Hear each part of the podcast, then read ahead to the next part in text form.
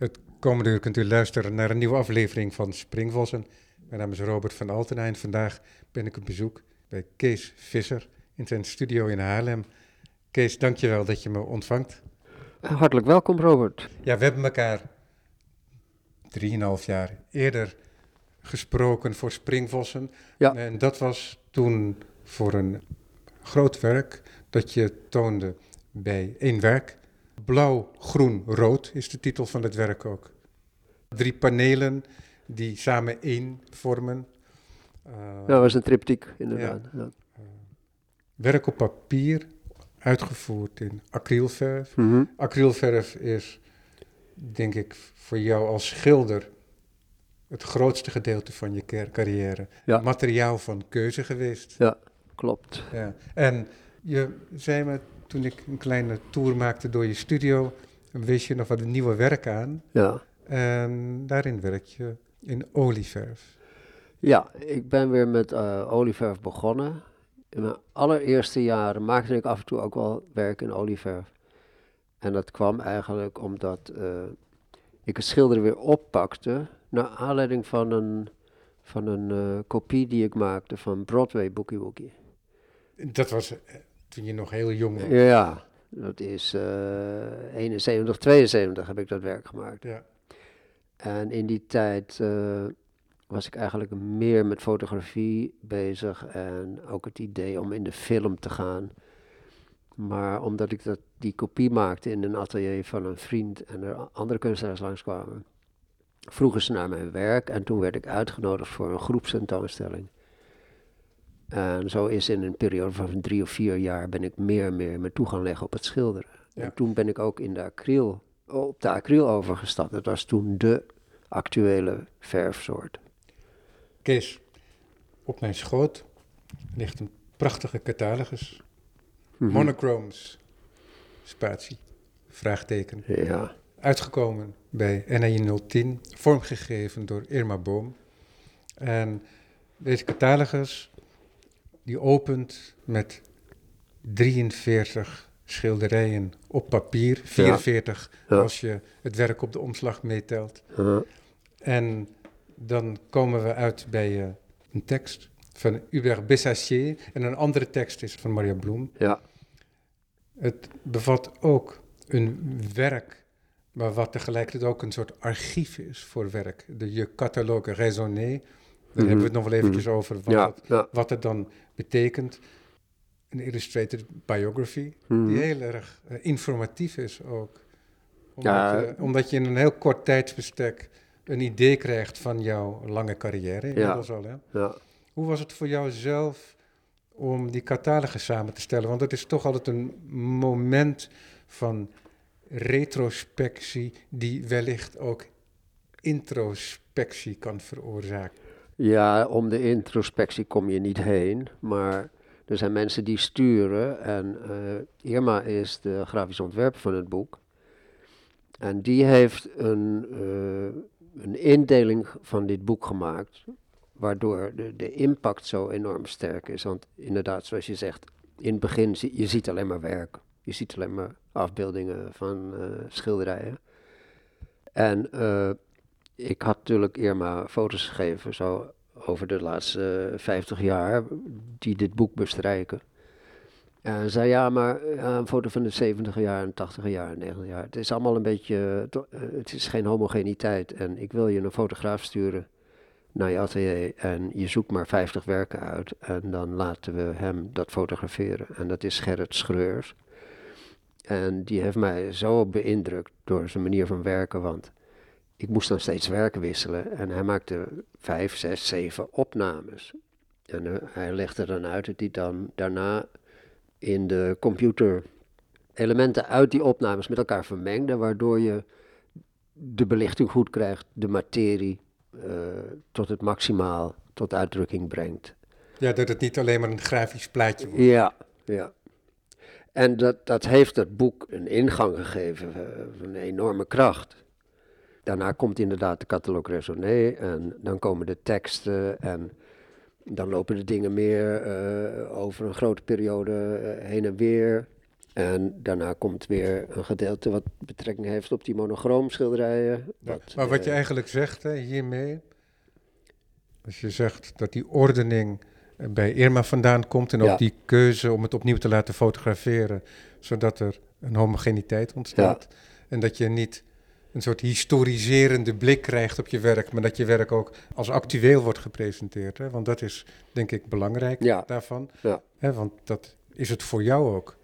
En die blik op je werk, die verloopt dan ook, dat retrospectief, via Irma. In dit geval dan gedeeltelijk ook. Ja, maar die, die 50 eerste foto's waar je het over hebt, die staan niet in chronologische volgorde. Nee, nee. er zijn hele nee, nee. actuele en hele oude. En Ja. eh, je ziet dan ook eh, contrast tussen de, de verschillende manieren van hoe ik die techniek eh, gebruikt Ja. heb om die Ja. schilderij te ja, maken. want wat me ook opviel, is dat er, zoals ik heb hier, nummer 31, arches, 400 grams papier, 1,60 bij 1,20. En dan staat er jaartal achter, 1995, 2021. Ja, En soms loopt dat nog meer uiteen. ja. Wat betekent dat, die jaartallen? Nou, eh, ik was begonnen op eh, gewoon blank papier een aantal schilderijen te maken. En eh, in de tijd dat ik met die olieverf begon, begon ik ook meer met onderschilderingen te werken.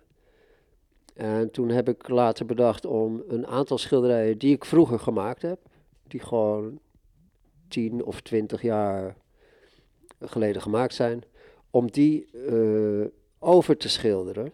Die waren dan ook vaak nog glad en die hadden niet die, die korrelige structuur die dat licht zo ontzettend vastgrijpt. Ja, want de mensen die het vorige gesprek niet gehoord hebben en misschien je werk minder goed kennen, wat jij bent gaan doen, is dat je een onderlaag aanbrengt en die is nog redelijk egaal en glad. Hm. En dat je daar overheen, werk op papier, hè, Ja. is belangrijk om te bedenken, Ja. en dat je daar vervolgens overheen op die onderlaag, soms met een andere kleur, weer een verf aanbrengt. En dat doe je in, in cirkelvormen, eerst wat kleiner en vervolgens later wat groter. En in dat proces, wat verschillende etappes en waarbij je ook verschillende kwasten hanteert, Mhm. ontstaat er een korrelstructuur die zich opbouwt Ja, en die nog steeds gehecht is aan die ondergrond. En tot het moment dat je ofwel het gewenste visuele resultaat hebt, ofwel tot het moment dat die korrels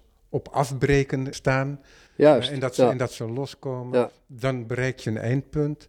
En het mooie is dat je dan een structuur krijgt waarbij je een visuele kleurmenging krijgt. Omdat je de korrels hebt met hun eigenheden en die zijn ook niet egaal en niet Hmm. allemaal van dezelfde dichtheid en van dezelfde dikte en grootte. En die ondergrond. En die gaan een werking met elkaar aan en daar vindt een synthese plaats, waardoor je een hele rijke kleurwerking krijgt. Ja, dus dat eventjes eh, ja. als achtergrond. Ja, het is eh, zo dat eh, die korrels, dat zijn natuurlijk kleine massa's van verf. En ook als je transparante verf gebruikt, als je maar eh, lang genoeg doorschildert en meerdere lagen over elkaar heen doet, dan komt op het gegeven moment het licht, ondanks de transparantie, niet meer uit de verf terug. En in die korrels krijg je dan vaak een wat donkerdere vorm van de gebruikte kleur. En de achtergrond is lichter en die twee eh, verschillende contrasten mengen zich, waardoor het licht zo eh, sprekend wordt in die, Ja, in die werk. Maar dat, dus je bent op die manier ook dat werk, in dit geval uit 1995, Ja. weer gaan bewerken. Ja, het was eh, in 95 nog eh, een kleur gewoon zonder dat die gemengd was. Ik, ik kocht gewoon tubes van allerlei merken. Ik had geen voorkeur voor kwaliteit ook. Het was zelfs soms verrassend hoe goedkope verf mooie resultaten opleverde, omdat het meer bewerking nodig had. Maar dit schilderij uit 95 was gewoon één kleur die ik kant-en-klaar gekocht had. En het schilderij wat er overheen geschilderd is, nu een jaar of twee jaar geleden, dat is een andere kleur. En ik heb dan de helft van de kleur die er al op zat behouden. En de kleur die er overheen is geschilderd, heb ik eerst dik op de andere helft geschilderd, zodat het schilderij zich ook in tweeën verdeelt. Je ziet twee uh, verschillende tonen van groen. Dus het wordt eigenlijk. Sorry. Het wordt eigenlijk een soort landschap met een horizon erin. Maar toch is dat een flinke ingreep om een oud werk, wat jij ook beschouwt als een werk, om daar een nieuw werk van te maken. Ja, ik weet niet. Het, was een inval en ik heb het gedaan. Of is het, ja, maar het is, niet, ja. het is niet alleen, het blijft niet alleen bij dit ene schilderij. Nee, ik heb een stuk of vijf, zes oude schilderijen gebruikt. Ja. ja. ja. ja. En uh, er waren ook mensen die zeiden, ja, moet je het eigenlijk niet bewaren, maar ik, uh, ik weet niet. Het was een inval en ik vond het een leuk idee om te doen. En uh, er zijn uit die tijd sowieso genoeg schilderijen om aan te tonen wat de verschillen zijn tussen nu en toen. Dus, ja. en maar levert het uiteindelijk een ander werk op? Of is het eenvoudig een recentere Kees Visser geworden? Nou, het, het heeft uh, een geschiedenis. Daarom staan die twee jaartallen erbij. Het jaartal waarin het aanvankelijk gemaakt is en het jaar waarin het uh, een tweede vorm aanneemt. En de, dat tijdsverloop vind ik wel een interessant element. Nee, oké, maar dat is, dat is op, te weten. Oké, maar dat zou ik anekdotisch kunnen noemen. Hè, dat is een verhaal, maar is het te zien? Is het waar te nemen? Dat, ja, het is wel waar te nemen. eronder zit. Ja, het is wel waar te nemen in het papier zelf. Uh, nieuwe vellen papier die ik dan nu, waar ik nu een nieuwe schilderij op gemaakt heb, dan zie je aan dat het papier ietsje minder oud is. Maar het zijn allemaal hele kleine details. Ja, ja. ja. ja. ja dus dat leidt niet tot een andere manier van werken, bijvoorbeeld. Ik weet niet precies wat je bedoelt, maar ik werkte in die tijd inderdaad op een andere manier dan nu. Nee, nee, maar omdat je dan een oud werk opnieuw gaat bewerken, dat doe je ook omdat je nieuwsgierig bent met wat het teweeg brengt, denk ik. Toch? Ja, ik vond dat het de potentie had. Ja, ja. ja. ja. Maar ja, ik nee, ben niet... Dat, dat, nee, dat vind ik interessant. Ik, ik ben uh, heel spontaan uh, daarmee uh, aan de slag gegaan en uh, ik vond de resultaat ook interessant. Ja. ja. wat ook interessant daaraan is, is, we noemden al eventjes die catalogue raisonné. Uh, dat, die catalogue raisonné, dat is een apart katern, ook apart hm. vormgegeven ja. um, door Irma. En dat zijn vellen, technisch papier. En daarop heb jij per vel vier rechthoeken uitgetekend. Dat is een systeem dat je in de jaren 90. Nou, je moet het zien dat dit 1 A3 is eigenlijk. Ja, oké. dus er zit dus de, de, vouw van het boek in, maar ja, okay, op ieder vel staan acht tekeningen. Acht, acht, op een vel, inderdaad. Ja. En dat ben je begin jaren 90, 92, 94 zo ongeveer mee begonnen? Ik ben er 92 mee begonnen. Ik woonde toen nog in Reykjavik. En uh, het was min of meer toevalligerwijs dat ik... Uh, ik had een houten object gemaakt en ik wilde er een paar schetsen maken voor nog een tweede houtobject.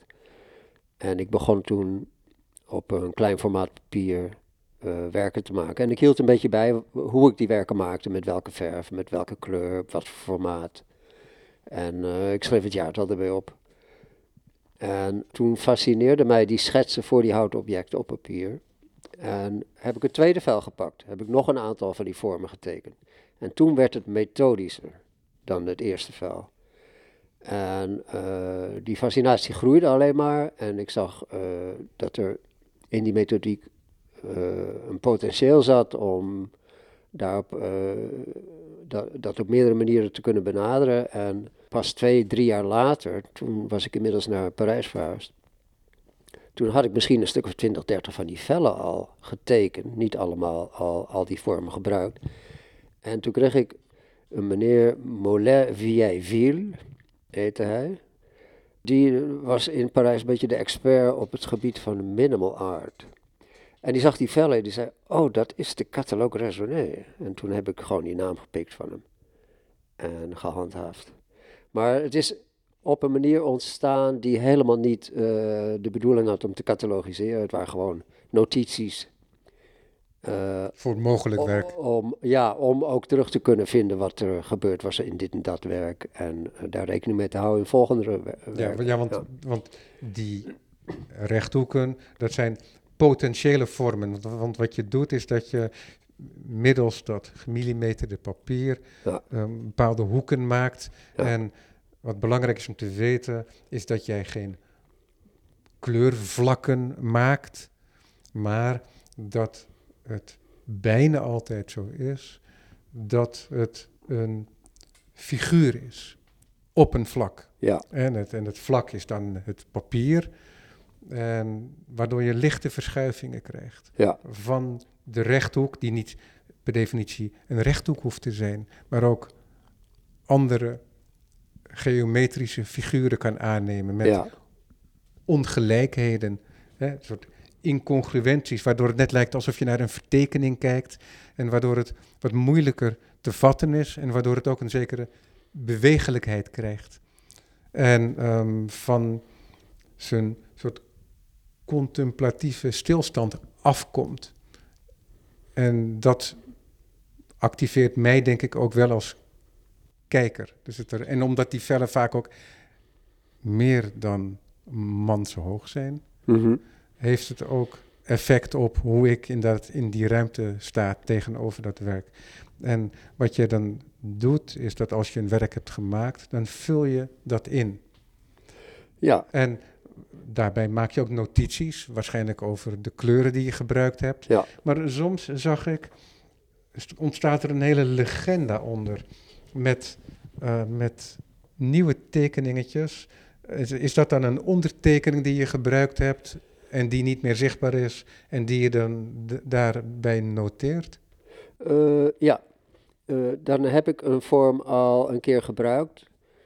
Maar dan heb ik een idee om iets met een onderschildering te doen. En dan kijk ik welke vorm kan ik nog een keer gebruiken. En die deel ik dan in. En daaronder staat aangegeven in die kleine schetsjes welk deel welke kleur draagt en welk deel gewoon overeenkomt met de, de dekkende kleur, ja, zeg maar. Ja, ja uh, trouwens, die catalogue raisonné zoals die in het boek zit, ja dat is wel iets heel bijzonders van Irma, vind ik. En ik was op een. Uh, was niet een lezing waar allemaal interviews met Irma en uh, een architect en uh, fotograaf. En de Aller Pierson, ja, die bijeenkomst.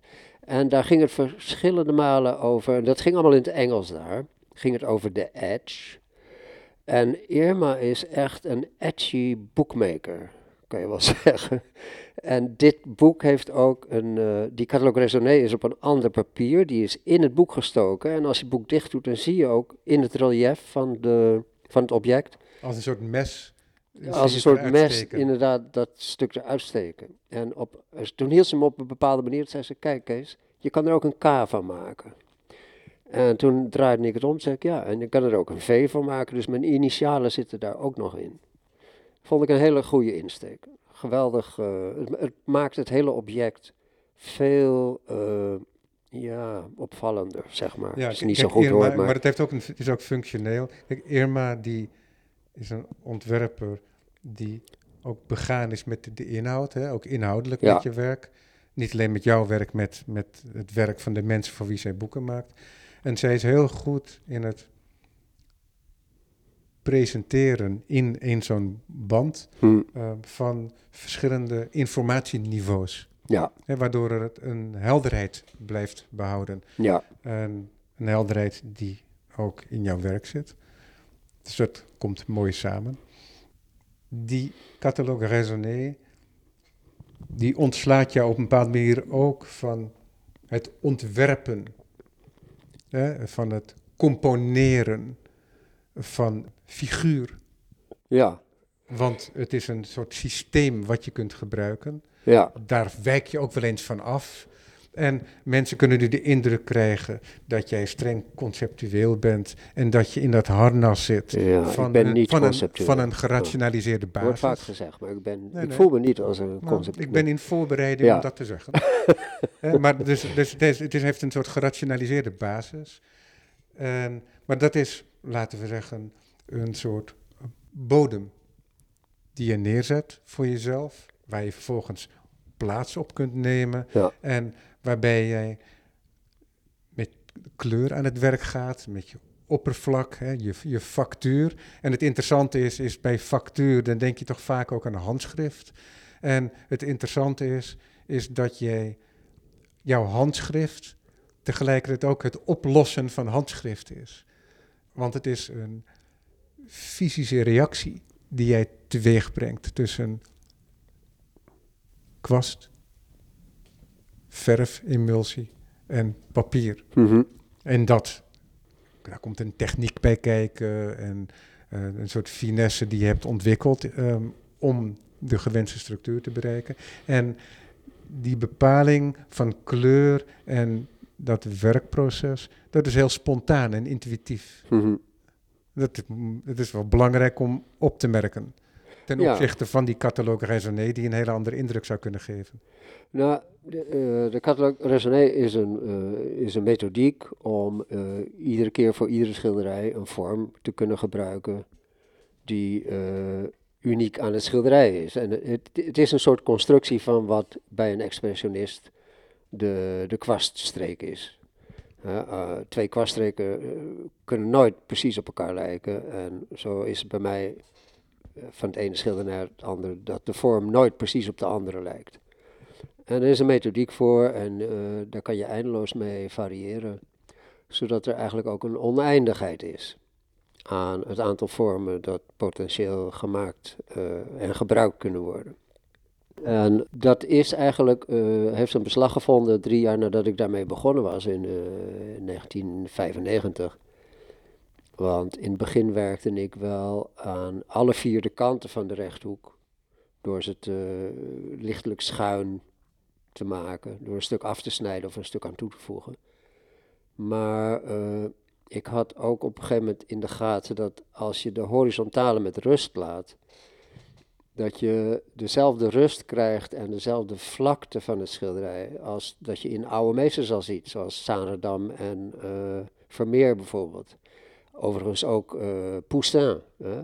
Zelfs in de landschappen van Poussin is het beeld parallel aan het doek.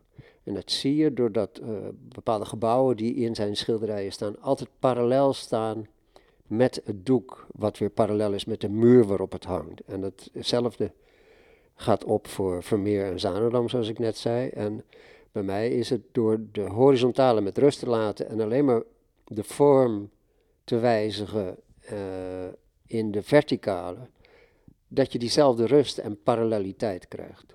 Waardoor het gewoon ook geen illusie meer heeft van diepte. Eh, het is gewoon een kleur op een vlak. En eh, het heeft iets met wat jij net zei, dat het, ze kunnen manshoog zijn. Het heeft iets met portretuur te maken ook. Een kleine formaat is misschien alleen maar het hoofd en dan de torso en dan het volle lichaam. Dat zijn dingen die overeenkomen met portretuurschilderingen. Eh, van Van Dijk of eh, noem maar andere grootheden. Ja. Frans Hals. Ja, en dan heb je het over eh, de verhouding en de manier van kijken. Je kijkt naar een klein werk dat je op Ja. tafel voor je legt. Ja, Daar kijk je op een andere manier naar dan zo'n meer dan manshoog ja, hoge schildering. En die je dan soms ook wel, je hangt ze vaak gewoon op aan twee hoekjes. ja, Dus dat is gewoon papier. Ehm, je hangt ook weer eens meerdere van die papieren schilderingen voor elkaar. Ja. Zodat je ziet dat er meerdere opgehangen zijn, maar eentje is maar zichtbaar. Maar in het geval bij dat, van het werk bij één werk, was het zo dat dat vervolgens weer op een drager was geplakt. Ja, het papier was van tevoren opgeplakt op eh, Forex. Ik had er eigenlijk die bond voor moeten nemen, maar eh laten we het nog wel een keertje eh, herstellen. Door er nog iets achter te plakken. Maar eh dat papier was van tevoren opgeplakt. op een drager, omdat ik het meer geometrisch wilde hebben. Als je een vel, als je daar twee haakjes aan doet en je hangt aan twee spijkers, dan krijg je een mooie organische kwaliteit van het papier zelf. Maar eh, bij Julius wilde ik echt een triptiek maken wat eh, monumentaal was en wat ook stond op de grond. En er wat waren niet plo- opgehangen plotjes gezet en Ja. ze, ze leunden eh, tegen de muur. Ja, en dat alles maakt het tot, meer tot een object ook. Omdat inderdaad ze leunen schuin tegen de muur en je ziet echt dat er een object neer is gezet. En dat, de werken die op de muur opgehangen worden, die worden meer één met de muur. Kees, ik stelde je eerder een vraag en daar heb ik eigenlijk geen antwoord op gehad. Sorry. Ja, dat geeft niet, zo gaat dat in een gesprek. En dat is dat werken aan zo'n catalogus, dat je dat ook doet, omkijken op een bepaalde manier. Ja, absoluut. absoluut. En Ja. heeft dat iets veroorzaakt? Nou, dat is eigenlijk al begonnen in 2009. Toen mocht Je gaat ik, me niet vertellen eh, dat je meer dan tien jaar aan de catalogus hebt gewerkt. Eh, nee, maar we hebben hier aan deze catalogus wel lang gewerkt hoor. Want in 2009 had ik een retrospectief in het Matisse Museum in Frankrijk, Noord-Frankrijk. In de geboorteplaats van Matisse. In de geboorteplaats van Matisse. En eh, dan eh, kreeg ik hier mijn galerie en eh, een conservator van het museum in het atelier. En we gingen pakken openmaken van dingen die ik ook 20, 30 jaar niet gezien had.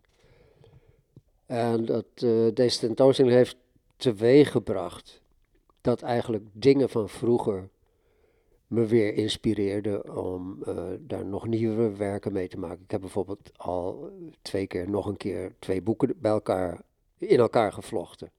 De eerste keer dat ik dat deed was in 77, 78. Dat was een Nederlands en een IJslands boek. Maar ook eh, het Echt, feit... dan moeten mensen bedenken dat het ook echt het fysiek vervlechten van de pagina's is. Ja, Ja. ja. Dus weven met papier. Ja. Dus eh, ja, als je zo'n eh, tentoonstelling eenmaal gemaakt hebt en eh, het museum in IJsland wilde die tentoonstelling overnemen. Toen kwam de crisis, mochten ze geen cent uitgeven in het buitenland, trouwens in het binnenland ook niet. Toen hebben we daar nog een tweede, kleinere retrospectief gemaakt met eh, werken die allemaal in IJsland gemaakt zijn, in over diverse perioden verdeeld, twaalf jaar dat ik daar gewoond heb.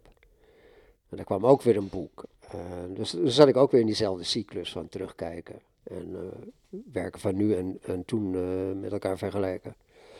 En toen was Hubert Bessassier, die voor mij wel eens een tekst geschreven had, op die tentoonstelling in IJsland en zei, eigenlijk heb ik altijd alleen maar jou gekend als schilder van die monochromen en daar heb ik dan over geschreven en eh, ik, wil, ik zou dat wel uit willen breiden. Toen zijn we een beetje gaan praten en hij heeft notities gemaakt. En toen eh, kwam het idee op om weer een boek te maken. Maar er was niet echt een aanleiding van een grote tentoonstelling of iets. Daarom is het allemaal heel rustig aangegaan in het begin.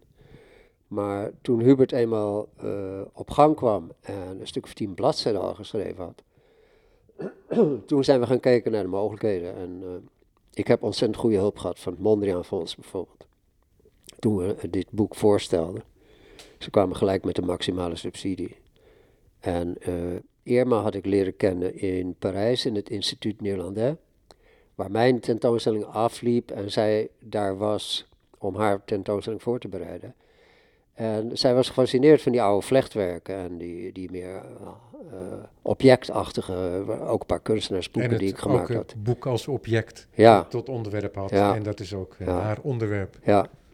En toen is een keer op het atelier geweest en daarna nog een keer. En toen heb ik eh, het een keer voorgesteld en eh, uiteindelijk kwam Julius ook op het atelier. En nou ja, al die dingen zijn gaan groeien.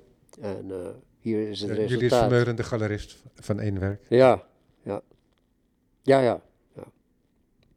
Maar dan wil ik nog altijd weten, want nu zeg je, ja, ik heb al eerder teruggekeken op mijn werk. Ja. Maar wat doet dat, dat terugkijken op je werk? Eh, het maakt eh, mijn benadering wat losser, zou ik kunnen zeggen. Ik vind het leuk om oude dingen weer op te pakken. Ik zit niet erg vast aan uh, heel chronologisch werken Mm. en dingen afsluiten. Ik hou van, van die souplesse en, en die methodiek. en dus ook het bewerken van een werk uit 92 of 95. Ja. Dat zie jij ja. niet als een grote ingreep, maar dat is een vrij natuurlijk proces. Ja. ja. Duidelijk. Ik heb hier in dat boek, in die catalogus, voor mij een pagina ja. met werken op papier. En dat geeft een raster ja. van twintig van deze werken, hè, die verbonden zijn aan die catalogue, raisonné. Ja. En uh, dus het zijn die rechthoeken die geen rechthoeken meer zijn. En, nee, het zijn allemaal En het interessante is, want, je, vorm, want je ja. noemt zojuist dat Picasso Museum. Ik ben in de plaats die van dat, die geboorteplaats heeft. Uh, Matisse Museum. Ja. Uh, maar Matisse Museum, ik ben Ja. die geboorteplaats even, even kwijt. Maar Het heet dat Le. Cateau Cambrésis, dat ligt vlakbij Cambrai. Kijk. En ja, ik zou jouw werk niet zo snel in verband brengen met Matisse. Maar het interessante is dat deze pagina, die een grid laat zien van twintig van die ontwerpen, Hm. zou je kunnen zeggen, en werken op papier, en dat zijn kleinere werken. Ja. Ik denk dat dit de maat is, eh 54,5 bij 39,5 Ja. centimeter. Ja. Eh, en dat, dat was een papier waar ik in 92 mee begon, waar Ja. ik de eerste werk op maakte. ja, maar ik maak eerst dit. Wat ik 20 jaar Want gebruikte. het interessante is, is dat het daardoor eruit ziet als papier découpé.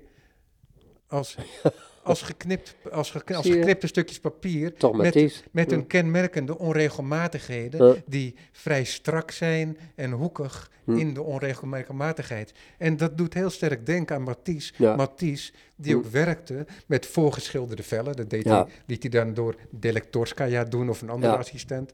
En daar knipte hij vervolgens zijn figuren in. En dit lijkt net alsof dit daaraan gerelateerd is. En dat is het in het maken nooit, heel, nooit geweest. Maar in de presentatie, zoals dat voorkomt in het boek, eh, krijgt het opeens die gedaante. Nou, de aanleiding van het Matisse Museum om mij uitnodigen was de parallel in eh, dat, wij alle twee met kleur, eh, he- heel, waar kleur een heel sterk element is, een soort coloristisch, coloristische werkwijze hebben. Zowel Matisse als ik. En dat was de link voor het museum om mij uit, uit te nodigen. En eh, eh, we hebben natuurlijk ook wel gediscussieerd erover. En eh, de conservatrice heeft een tekst geschreven over hoe en in welke context zij de link ziet tussen mijn werk en Matisse.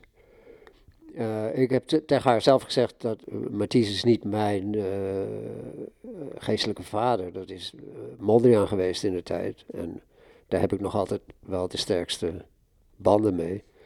Maar ik vind Matisse ontzettend interessante schilder. En ik ben hem beter gaan kennen, ook door de kennismaking met het museum. En ik werd uitgenodigd op grond van een groepstentoonstelling van een verzamelaar. En dat is de eigenaar van deze twintig werken, die hier Daniel Bossé. Daniel Bosser, ja. En eh, Daniel die kocht af en toe een klein werk.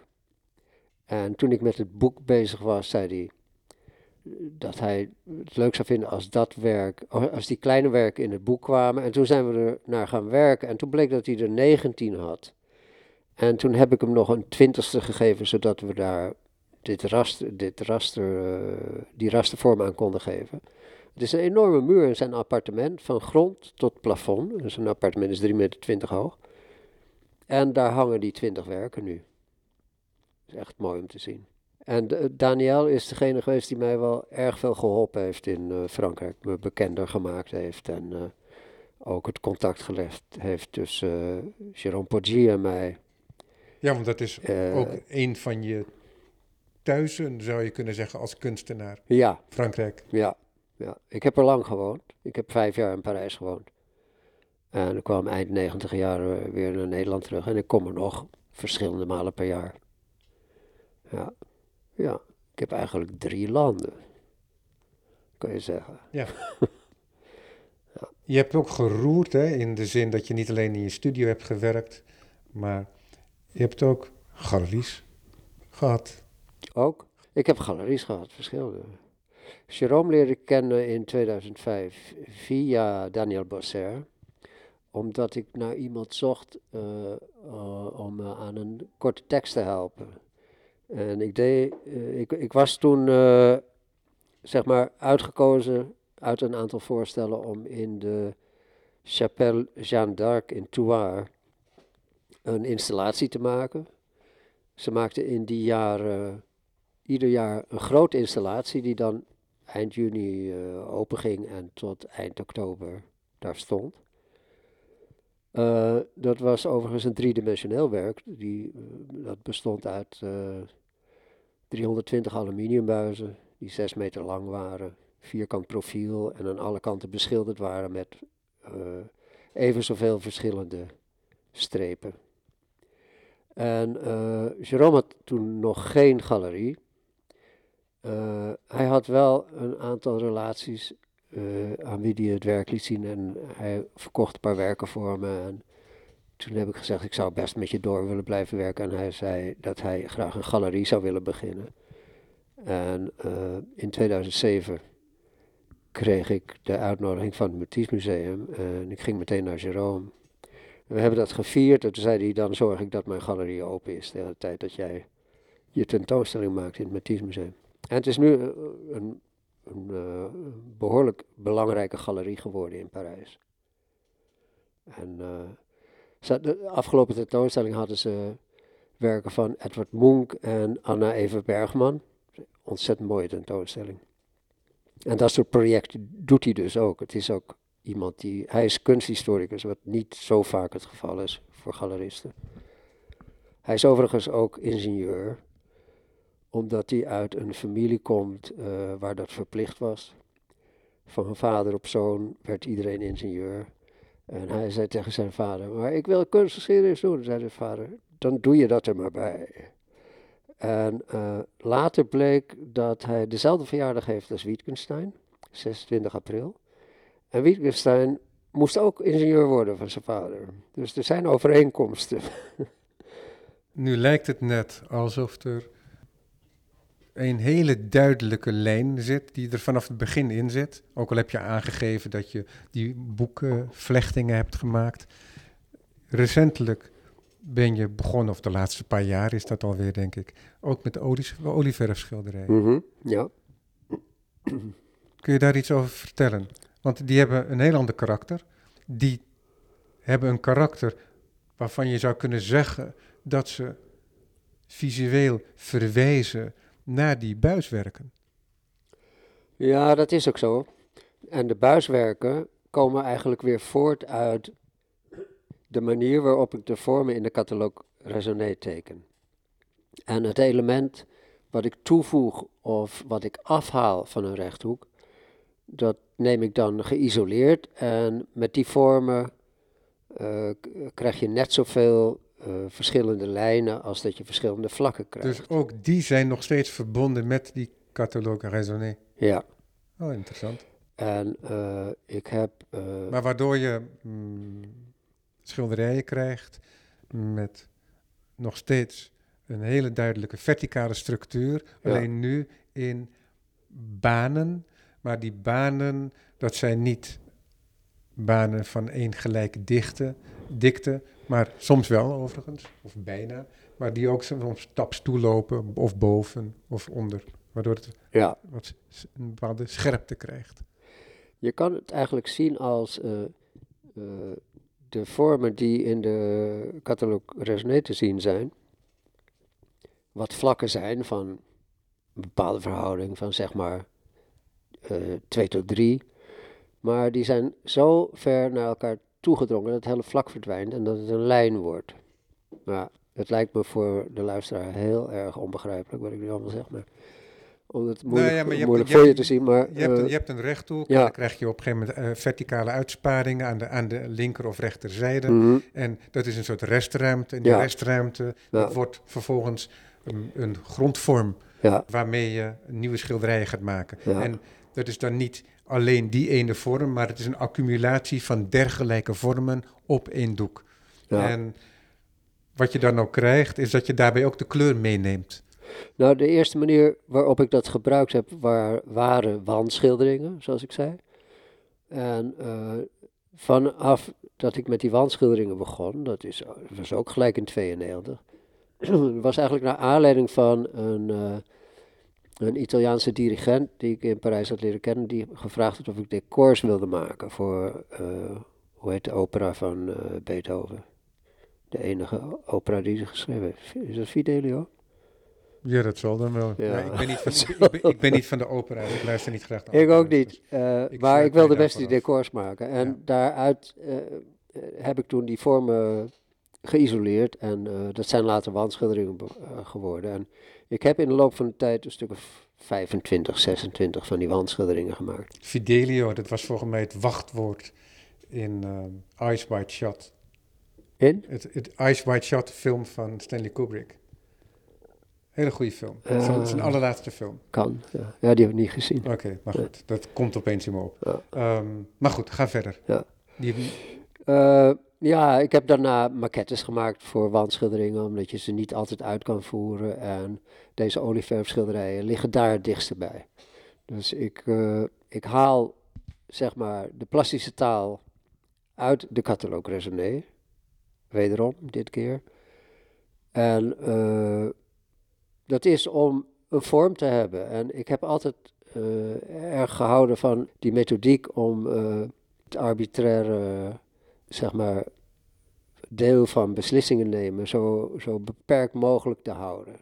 Omdat als je daar te veel invloed op gaat krijgen, dan uh, krijg je allerlei verwijzingen. En, ik wil dat het beeld op zichzelf staat. Ja, dus, dus, een autonomie ja, dus. Dus de basis van het beeld, het uitgangspunt van het beeld, dat is een kalm uitgangspunt. Ja. Een, die een bepaalde neutraliteit kent. Ja. neutraliteit tussen aanhalingstekens. Ja. Dat is weer een heel gesprek op zich, denk ik. Maar wat wel weer bijzonder is, is dat je kiest voor deze serie om olieverf op doek te werken. Niet alleen maar, hè, zeg ik erbij, maar die voorbeelden die ik hier in de, in de studio zie, dat is olieverf op doek. Ja. Waarom die keuze voor olieverf? Nou, het was uh, uh, eigenlijk gewoon dat ik daar zin in had. En uh, toen ik daar helemaal mee aan het werk ging, toen kreeg ik ook als resultaat iets wat me aansprak. Omdat, kijk, je kan die, die monochrome schilderijen en die wandschilderingen zien als twee verschillende uitingen van een visueel gegeven. die monochrome vlakken zijn veel meditatiever en die wandschilderingen zijn veel opwindender, doordat ze ritmiek en uh, polychromie hebben en uh, musicaliteit hebben. En uh, nadat ik dat dan weer ging doen op doeken met olieverf, verdween die drukte en kwam er weer een soort innerlijke rust in die schilderijen terug. En dat vond ik een interessante ontdekking. Maar heb je daar olieverf voor nodig? Ja, op een of andere manier is olieverf een langzaam medium. En dat uit zich in het werk. Ik vind daar, ja, ik vind dat heel, voor mij is dat heel duidelijk, in ieder geval in mijn geval en in mijn benadering. Ja. ja. Nou, gewoon nieuwsgierigheid hoor. Ja, ja. ja. Nou, dat is een vraag waar ik dit op kan zeggen, maar dit is meer. Uh, ik, heb, ik ben niet zo gewend om dat allemaal te verwoorden. En uh, ik, ik, zie dat dan, als ik dan een paar olieschilderijen heb gemaakt, dat ze weer bij die monochrome schilderijen liggen, dichter dan bij de wandschilderingen. Ja, ja. duidelijk. Ja. Je hebt hier in je studio ook een werk hangen. En dat is een werk uit 1972. Dacht ik. Oh ja. ja. Het staat hier ook in de catalogus. Die heeft de titel Metaphysics of Art with the Feet on the Ground. Ja. Het zijn zes panelen. Ja. Drie liggende rechthoeken, wat kleiner. En met dezelfde breedte, drie staande rechthoeken daarboven. Ja. Het zijn wel zes panelen, maar... Al, aluminium frames. Ja. Um, het vormt één geheel. Um, in die staande panelen aan de bovenkant is papier. In de drie onderste panelen zijn spiegels ja. gemonteerd. Het centrale paneel kent een rode klodder die eruit ziet alsof het met de hand is aangebracht. En Uh-huh. dat is ook volgens mij het geval. Daar heb je Ja. je beverfde handen Ja. eh, mee afgestreken. Ja. En er is nog een klein typografisch element toegevoegd aan de linkerzijde.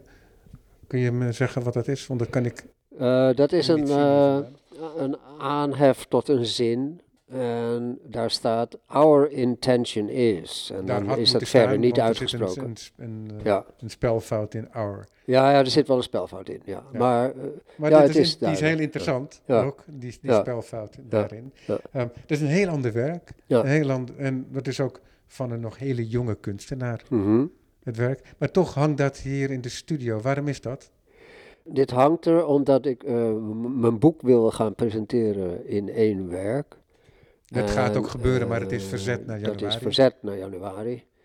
En eh, in dat geval wil ik dit werk ophangen. Dus het is een polemisch werk, maar het is toch een thematiek die, of een, een problematiek die me altijd is blijven volgen en me altijd is blijven boeien. En toen ik begon in de zeventig jaren, toen werd eigenlijk door iedereen eh Wittgenstein gelezen en werd over Wittgenstein gesproken. En eh, Hermans had er een boekje over geschreven. En de algemene opvatting was dat Wittgenstein ingedeeld kon worden bij de positivisten. Daar was hij het zelf niet mee eens over. Eh, hij was het daar zelf niet mee eens en eh, het klopte ook niet. Maar er werd aan geduwd en getrokken en er was misschien een, eh, een tendens naar het positivisme in die tijd. Omdat, Ja, nee, er is een hele, school die zijn ja. werk las, hè, de, de Ja. School zou je Ja. kunnen zeggen. Die zijn werk eh, een positivistische lezing gaven. Waardoor eh, er een volledige, ja, een soort kenbare rationalisering van de wereld plaatsvond. En dat is niet waar hij zelf achter stond. Nee. Maar goed, we gaan niet een heel verhaal houden over Wittgenstein, denk ik. Maar het speelde en, hè, in het hoofd en dan ook en in het leven van de 23, 24-jarige Kees Visser in relatie tot beeldende kunst ook. Dus Nou ja, dat had te maken met het feit dat Mondriaan natuurlijk eh, het over theosofie had en, eh, en allerlei eh, metafysische eh, ideeën had over kunst en over, over het leven zelf. Ja, en dat geldt eigenlijk ook voor Van Doesburg. Tot mijn grote verbazing bij het Mhm. lezen Ja, van de net uitgekomen biografie las ik dat hij ook nog in de jaren tien bijzonder religieus was. En ook als je afscheid neemt van God vervolgens, wat daarna volgens Ja. mij gebeurd is, dan is dat wereldbeeld nog altijd een religieus wereldbeeld. Of Ja. een metafysisch wereldbeeld, zo je wilt. Maar ja. ja, ik had zelf. eh, eh, ik kom uit een gezin wat niet kerkelijk was. En eh, na de lagere school vond mijn vader toch wel interessant. en zei: steek je daar ook wat van op om mij op een Calvinistisch lyceum te zetten. Dat was het ECL hier in Haarlem. En ik was inmiddels 13, 14 jaar en ik lag echt. Ik, eh, ik, ik sloeg achterover van wat daar allemaal gezegd en beweerd werd. En ik vond het een afschuwelijke hypocriete boel. En eh, ik denk dat daardoor ook, eh, toen ik in de kunst begon, mij dat positivisme erg aansprak. Dat was nog een soort afreageren op de puberteitsjaren. En dat is een van de redenen toen geweest. Maar de, hoe moet je dat noemen, de, de tweeslachtigheid van het werk, die eh, boven een soort, eh, in- het is een drieluik, hè? het zijn, eh, bo- de bovenkant eh, eh, zijn een soort, zeg maar, enigmatische beelden en daaronder hangen die spiegel waardoor je steeds ziet dat, eh, dat je, eh, je kijkt naar je eigen voeten die op de grond staan. En eh, dat gevoel heb ik altijd eigenlijk gehouden. Je kan eigenlijk niet kiezen tussen die twee. Je hebt, eh, een je hebt momenten en ervaringen die eh, moeilijk te duiden zijn en die duidelijk wijzen op eh, een zekere mystiek. En er zijn andere momenten en andere ervaringen en communicatie en die, die zijn heel concreet en die, die hebben niks van dit soort dingen. Maar eh, ik vind de kunst toch meer neigen naar iets waar je naar kijkt en waar je niet helemaal een duidelijk iets ervaart. En dat vind ik het interessante aan kunst. Ja, als het een, een schilderij is van een boom, dan is het een boom. Maar de abstracte kunst die leidt veel meer tot het brengen van de geest in een bepaalde staat van doen, die niet uh, direct in taal is te vatten. En, uh, dus dit werk blijft voor mij een actueel werk. Ja, ja, het is wel interessant in termen van die, die filosofische termen van metafysica, is dat filosofen als Wittgenstein en in navolging dan ook van Schopenhauer, die metafysica ook met de benen op de grond plaatsen. Dus dat die, die metafysica ook, ja. Uh, ja. lezen ja. als niet een mogelijkheid boven of buiten onze wereld, hè, voorbij onze wereld, maar met name bij Schopenhauer en Nietzsche is het dan zo dat het een andere manier van kijken is naar diezelfde wereld. Hmm. En dat het meer gaat om een soort inzicht. Hmm. En dat inzicht, dat is een soort existentialistisch inzicht. Ja, ontologisch hè, wordt dat dan uh, onderverdeeld, zeg maar. Bij de ontologie. Bij de ontologie, ja. ja, de, de, ja. de, de zijnsleer. Ja. Dus, dus de, de zijnsleer, dat is gewoon de, de, Ja. de manier waarop wij in de wereld zijn en hoe wij dat zien en hoe wij dat conceptualiseren. Ja. Maar eh, daar gaat dat werk, daar relateert dat werk dan, dan ook aan. Ja. Ik wil maar zeggen dat metafysica en Ja. het concrete elkaar niet in de weg hoeven te zitten. Nee. Eh, vandaar dat ik eh, dat er nog even bij benoem. ook, maar hoe kijk jij nu tegen zo'n werk aan? Wat een soort jeugdwerk is, hè? Ja, het is jeugdwerk, maar ja, wat, ik, wat ik net al aanhaalde is dat het voor mij nog altijd een actueel werk is. En om nog heel even op Wittgenstein terug te komen, want van Wittgenstein wordt altijd één zin aangehaald. We, hebben, we zijn wel bijna aan het einde van het gesprek dat je. Oké, eh, ik doe het snel. maar er wordt altijd aangehaald, waarover man niet spreken kan, daarover moest man zwijgen. Maar er is een andere zin die mij altijd heel erg eh, is achter, eh, blijven achtervolgen, is dat niet wie die wereld is, is dat mystische, maar dat sie is. En dat komt eigenlijk op hetzelfde neer. Je, eh, als je in de mystiek komt, dan kan je er niet meer over praten. Ja, ja Maar- het, het, raadsel, het raadsel is niet. Ja, Is, is het feit dat de wereld is. ja, precies. Ja. Ja. Ja. Nou ja, dat is eigenlijk ook dat idee van de- wat bij Nietzsche dan volgens mij zoiets als de grote verheldering heette. Dat is dat, dat metafysische inzicht. Ik denk dat dat allemaal vrij dicht bij elkaar ligt.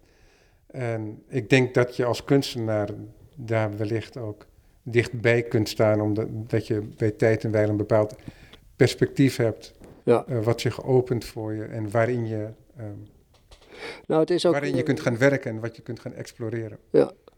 En het is ook zo dat eh, die eh, min of meer een beetje fanatieke houding waarin dit werk ontstaan is, Tot besluit. he- heel snel eigenlijk omsloeg in de tijd dat ik voor het eerst in IJsland kwam, door de enorme indrukken die ik daar opdeed van de natuur en een hele andere mentaliteit, eh, een samenleving die heel anders in elkaar zit. Eh, dat heeft allemaal eh, verschillende kanten. Het is een Luthers land, maar IJsland is ook zo heidens als de pest. En ik vond dat in het begin allemaal een beetje grappig, maar ik ben het steeds serieuzer gaan nemen. En, dus ik kijk nog altijd naar het, het werk, maar met een heel andere ogen als dat ik daar naar keek toen ik het maakte. Ja, begrijp ik. De wereld is ook veranderd. Jij bent veranderd. En Ja. tegelijkertijd ook niet.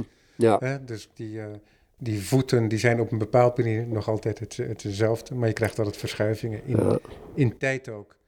In IJsland voel ik me overigens, als ik daar ben, dat ik op de aarde sta.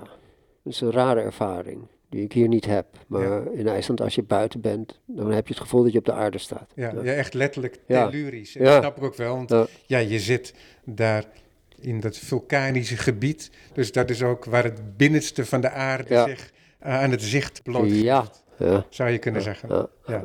Kees Visser, dankjewel voor dit gesprek. Uh, graag gedaan, Robert. Jij ook bedankt. Met je prachtige Ja, dank je, dank je. En Irma, hartelijk dank. Ik ontdek iedere keer weer nieuwe mooie dingen in het boek.